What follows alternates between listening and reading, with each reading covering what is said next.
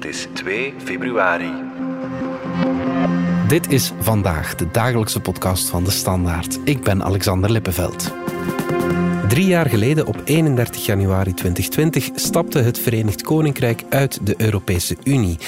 Maar het is niet dat er in Londen feestelijk vuurwerk wordt afgestoken voor die verjaardag, want het land gaat door woelig politiek en economisch water. Door slappe politici die het Verenigd Koninkrijk leiden, of is het dan toch door de Brexit die helemaal anders is uitgedraaid dan de Britten dachten?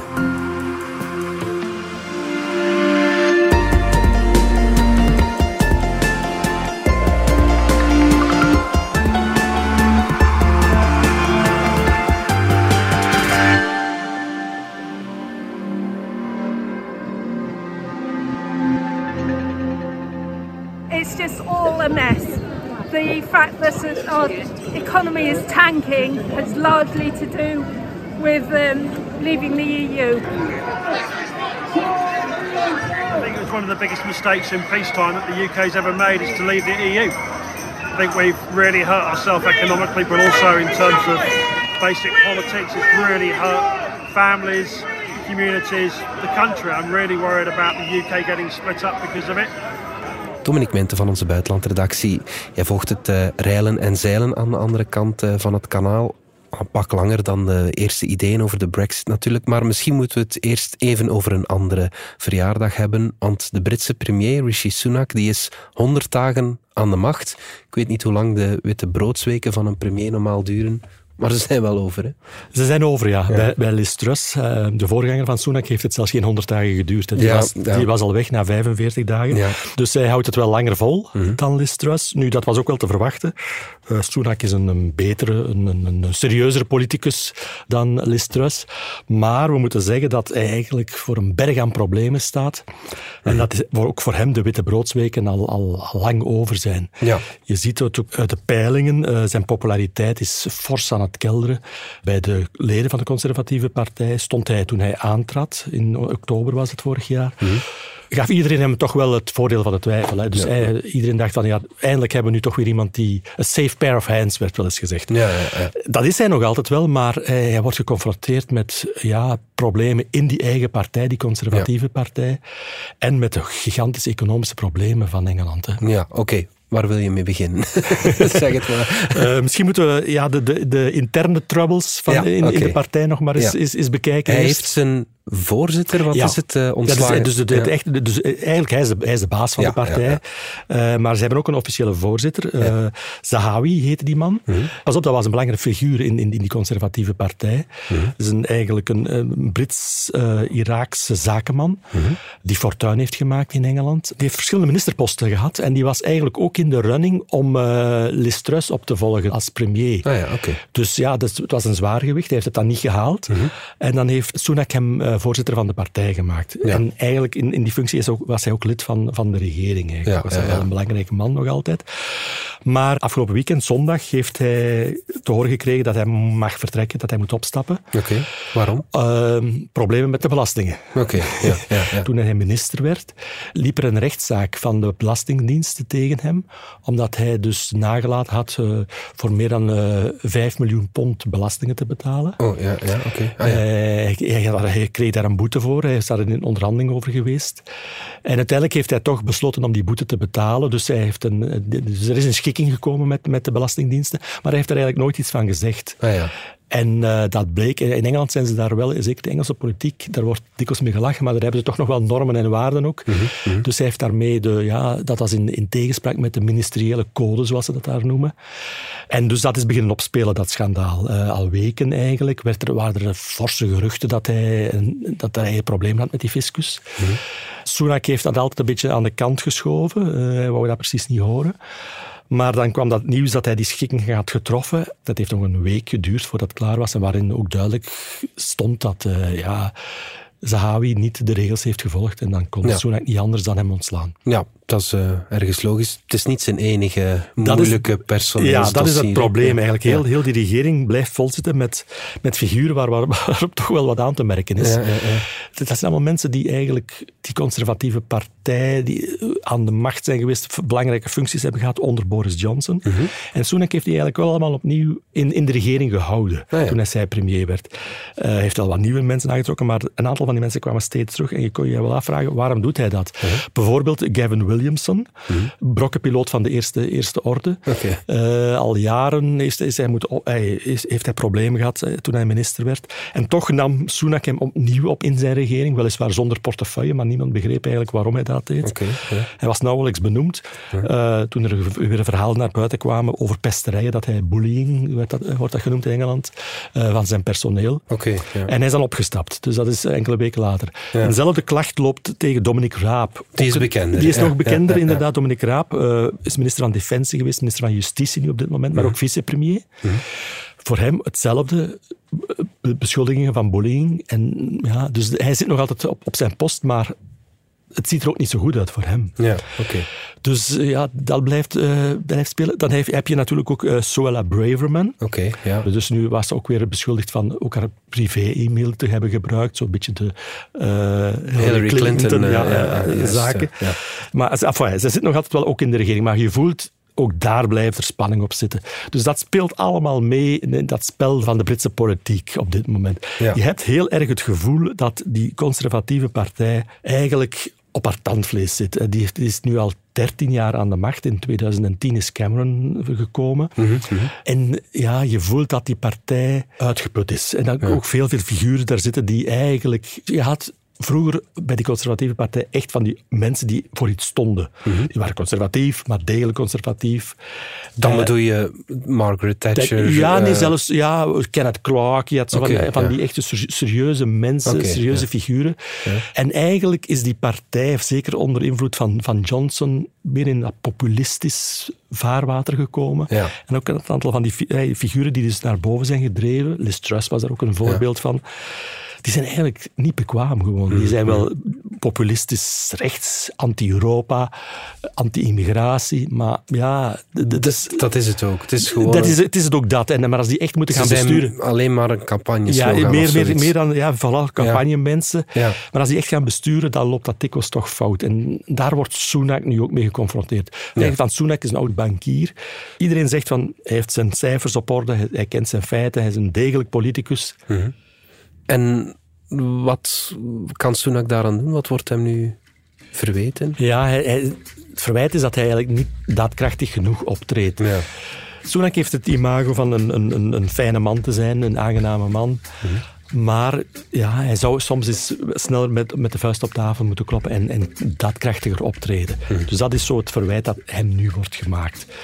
En dan kom ik terug bij, waarom neemt hij die figuren waarvan, waar toch iets aan kleeft, waarvan iedereen denkt van, ja, dat zijn niet de meest capabele bestuurders. En, en die, waarom neemt hij die allemaal opnieuw ja, terug. In, terug in zijn ploeg? Geeft hij die belangrijke functies?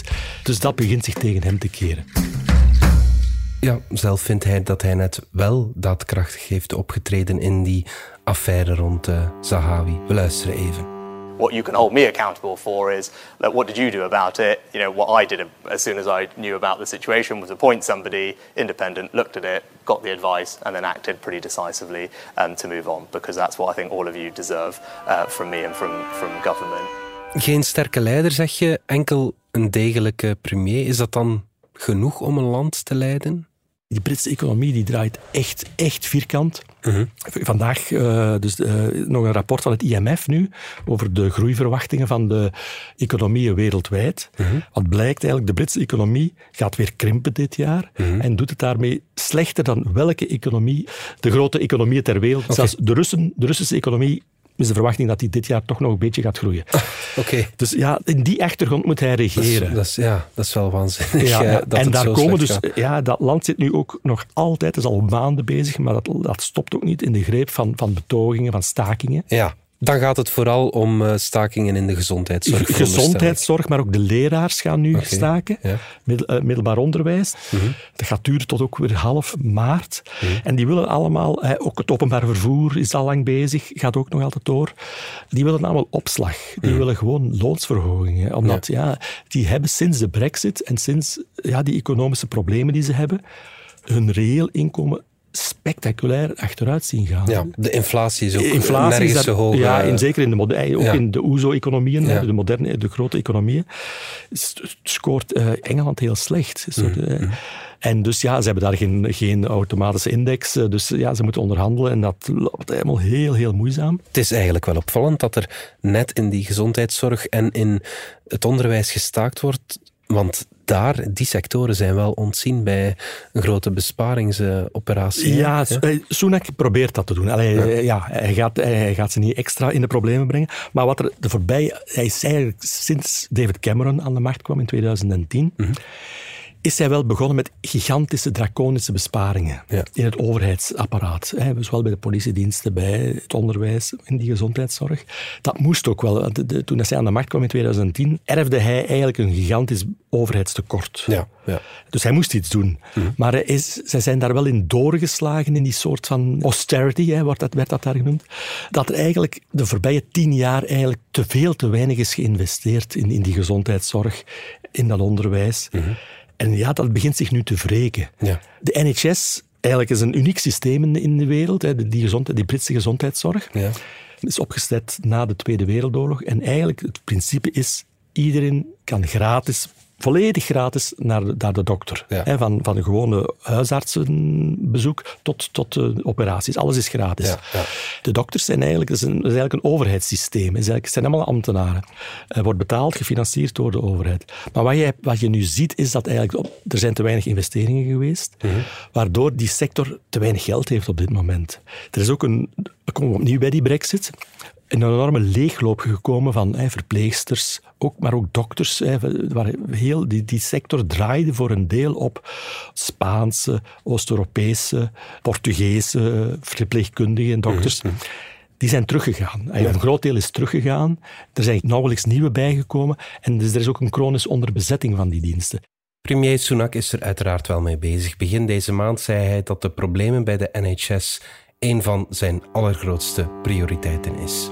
People are understandably anxious when they see ambulances queuing outside hospitals. You should know we're taking urgent action, increasing bed capacity by 7,000 more hospital beds and more people cared at home. We hugely value public sector workers like nurses. They do incredibly important work. En wat, wat dan ook wordt gezegd is, ik had vorige week nog contact met een Belgische arts in Londen, die in een Londen ziekenhuis werkt. Mhm. Die zegt ook van, ja, wat eigenlijk ook het gevoel is binnen die NHS-sector, is dat de conservatieven eigenlijk liever die NHS willen privatiseren. Ah ja, oké. Dus, dus, dat speelt ook mee. Dus ja, die, die, er, er is ook naast je hebt je NHS, maar daarnaast kan je ook, als je wil, als je toch het geld hebt, kan je ook naar een privékliniek gaan. Nochtans, Dominique, toen de brexit erdoor kwam, toen die campagne gevoerd werd, reden er bussen rond in uh, Londen en in het hele land waarop stond 350 miljoen pond per week. per week naar Europa vloeit, dat steken we in onze NHS. Juist, ja, dat is de campagneslogan van Boris Johnson. Hè. Dat, dat is wel een dikke leugen, denk dat ik. Is, ja, dat is als je nu in Engeland rondrijdt en je vraagt mensen over hoe, hoe is het hier nu en de brexit, is dat nu beter geworden? Eerste wat ze allemaal zeggen, hè, ja, die, die bus en die 350 miljoen uh, pond per, per week, nee, dat is natuurlijk niet naar de NHS gevloeid. Hè. Dus ja, dat voel je nu echt. En, en dus ja, de mensen, de Britten, voelen zich bekocht en dat straalt allemaal nog altijd af op die conservatieve partij. Mhm. Ja, ze worden nu geconfronteerd met wat iedereen hen altijd heeft gezegd van jongens, als jullie uit de Europese Unie stappen, het gaat alleen maar moeilijker worden met jullie economie. Jullie gaan daar niet beter van worden. En ja, dat, dat is nu uitgekomen. En ze wilden dat toen niet geloven. Hè. Boris Johnson, Dominic Cummings, hè, zijn grote guru van de brexit, die heeft nu zelfs al, eh, ook al gezegd van ja, mensen die nu zeggen dat de, dat de brexit eigenlijk echt dat dat ons dat beter heeft gebracht, die is niet goed wijs. We luisteren even naar dat eh, BBC-interview met Dominic Cummings. Questions like, is Brexit a good idea? No one on earth knows if that's what the answer to that is. You've just said today, even you are still not sure if Brexit was a good idea. I think anyone who says they're sure about questions like that has got a screw loose, whether you're on the Remain side or our side.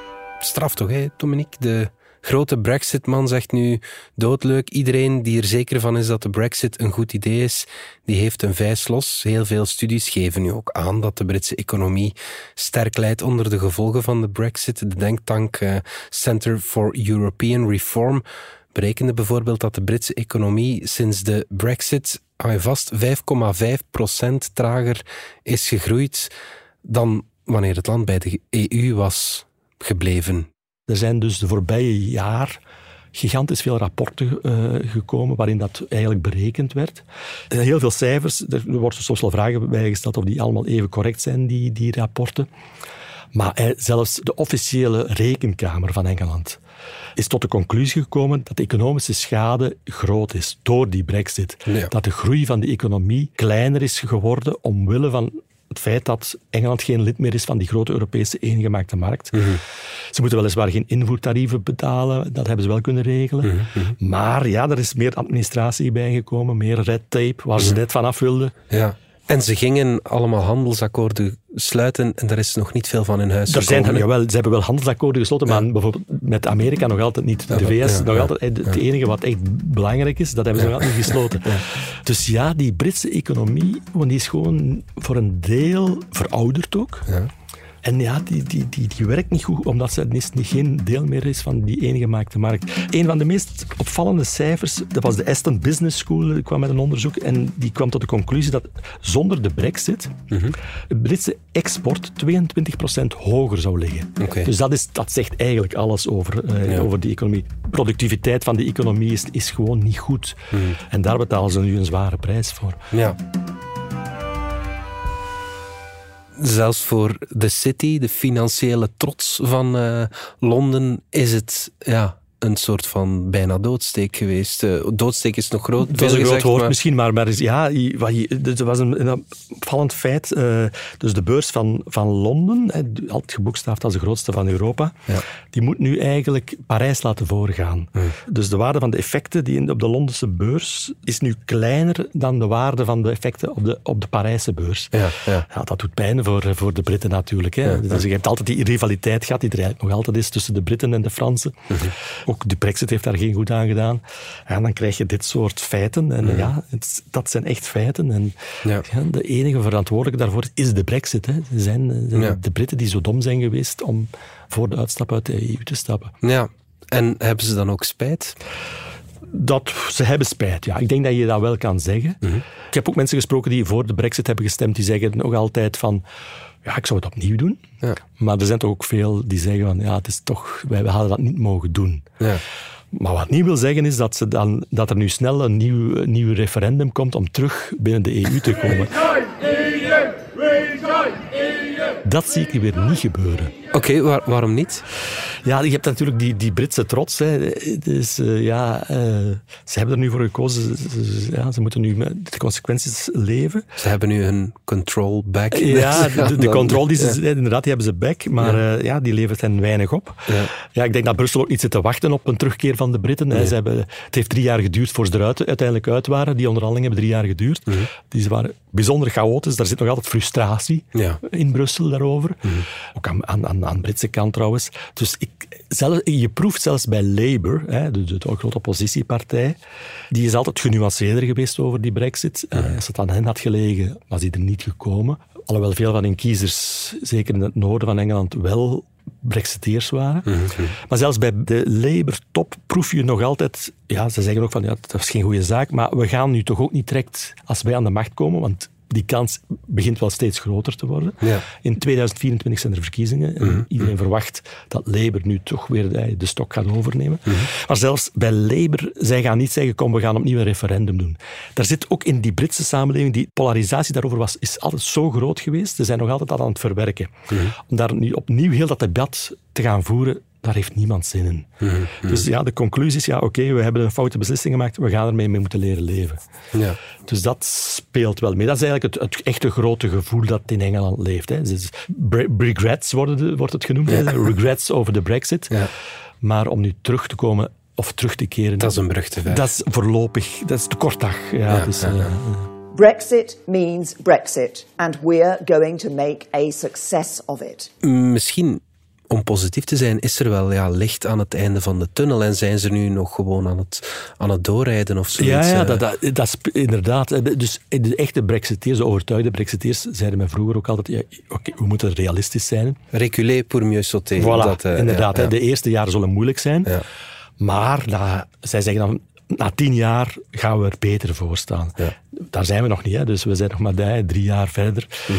Dus inderdaad, dat speelt eigenlijk ook mee in dat hele debat. Het is gewoon te kort dag om nu al de conclusies te trekken om terug te keren. Je zegt het al, Labour gaat waarschijnlijk in 2024 de macht eh, opnieuw overnemen. Gaan zij het dan kunnen oplossen? Want eh, het blijft wel een feit dat, dat er moet bespaard worden. Ja, ja. En dat tegelijkertijd het land weer op de rails moet gezet Ja, worden. ja dat. Eh, Dus op dat vlak, in de peilingen liggen ze nu een, echt een straat voor op, op, op de conservatieven. hè. 20 procent eh, Oké. voorsprong. Ja, dat is een eeuwigheid Dat, dat, geleden. dat is Ja. echt heel lang geleden, hè, dat ze zo ver voorlagen. Ze hebben met Keir Starmer ook weer een leider. Die is weliswaar ook niet de grote charismaticus. Het is, Het is geen Tony Blair. Het is geen Nee. Tony Blair, absoluut niet. Maar het is een beetje ook een Sunak-figuur, een soort een safe pair of hands. Nee, na eh, Jeremy Corbyn eh, hebben ze terug dat meer de man die meer het centrum opzoekt. Ja. Ik denk dat dat een bekwaam bestuurder is. Hè. Daar, daar twijfelen weinigen aan. Dat, hij zal dat wel kunnen, als premier zijn van, van Engeland. Maar ja, die, ik zeg het, die economische problemen zijn zo groot dat ook zij eh, dat niet op 1, 2, 3 kunnen keren. Hè. Zij gaan meer investeren waarschijnlijk terug in die NHS, in dat onderwijs. Maar ja, zij moeten dat geld ook ergens vandaan halen. Hè. Dus dat proef je nog altijd ook bij veel Engelsen, eh, is dat ze toch, ja, die Labour-partij, ze vertrouwen die ook niet helemaal. Dus ze hebben daar wel nog altijd hun bedenkingen bij. En Die partij is ook, heeft heel, heel rare bochten gemaakt. Dus eigenlijk denk ik bij de meerderheid van de Britten men diep in hun hart eerder conservatieve kies- stemmers, maar dan ook een, een conservatieve partij die terug meer in het centrum zit. Ze hebben he- heel veel... Dat, dat- ja, dat, ik, als je ik met mensen spreekt, dan hebben ze heimwee naar inderdaad Margaret Thatcher. Ja. Of, Dat is wel opvallend. Ja, dat, inderdaad, Margaret Thatcher wordt dan genoemd. Of zelfs Winston Churchill wordt nog altijd genoemd. ja, hè. Dus dat soort figuren komen... Dus dat is ook, ja, dat, dat is die Engelse maatschappij ook. Er zit heel veel nostalgie in naar het oude Britse Rijk, toen ze nog echt iets betekenden. Dat heeft ook meegespeeld in die keuze voor die brexit. Ja. Daar gaan ze wel eens van af moeten, eh, denk ik, want eh, dat, eh, dat gaat nooit meer terugkomen. Mhm. Maar ja, dat zijn elementen die nog altijd meespelen in, in, in heel dat debat, in dat, heel dat politieke debat. Er is ook heel veel weerzin gekomen tegen heel die politieke klasse. Mhm. Dat heb je hier in België natuurlijk ook, maar ook ja, in, in Engeland, je voelt toch, mensen voelen zich bedrogen Ja. door, door wat er de laatste jaren gebeurd is. Ja. En ja, dat, dat- Vooral omdat die kloof tussen arm en rijk ja, zo is blijft ook nog altijd, is eh, ook, ja, blijft heel groot, is altijd veel groter geweest. Die is zeker niet kleiner geworden. En dan heb je figuren gehad zoals ja, Boris Johnson. Hij, veel De- vinden hem wel sympathiek. Hij, ze- dus, hij, hij straalt wel iets uit, heeft, dat, dat charisma heeft hij wel. Maar velen beseffen ook dat, dat, ze, dat hij hen voor de gek heeft gehouden. Hè. Dus ook ja, die affaires rond eh eh, Partygate, Partygate, ja. dat is ook nog niet weg. Hè. Die onderzoeken lopen nog altijd. Maar ik ben ervan overtuigd, ook die lange schaduw van, van Johnson hangt nog altijd over Sunak, over die partij. Dus als Sunak die verkiezingen niet kan winnen, Mhm. dan gaat er weer een paleisrevolutie komen. Gaat Boris toch weer proberen aan de macht te komen, denk ik, in die partij. Ja. Dus ja, het, het, het blijven boeiende tijden daar, politiek. eh. Ja, absoluut. Maar oh ja, economisch, het is, ze zijn niet te benijden in elk geval, eh, Mhm. die Britten. Oké, goed. Dominique Winten, dankjewel. Graag gedaan. Dit was vandaag de dagelijkse podcast van De Standaard. Bedankt voor het luisteren. Volg ons op Spotify, Apple Podcast of eender welk ander podcastplatform. In onze gratis app DS Podcast kan je niet alleen ons werk beluisteren, maar ook de beste podcasttips terugvinden met zorg geselecteerd door onze redacteur Max de Moor. Alle credits van de podcast die je net hoorde vind je op standaard.be-podcast. Reageren kan via podcast.standaard.be. Morgen zijn we opnieuw.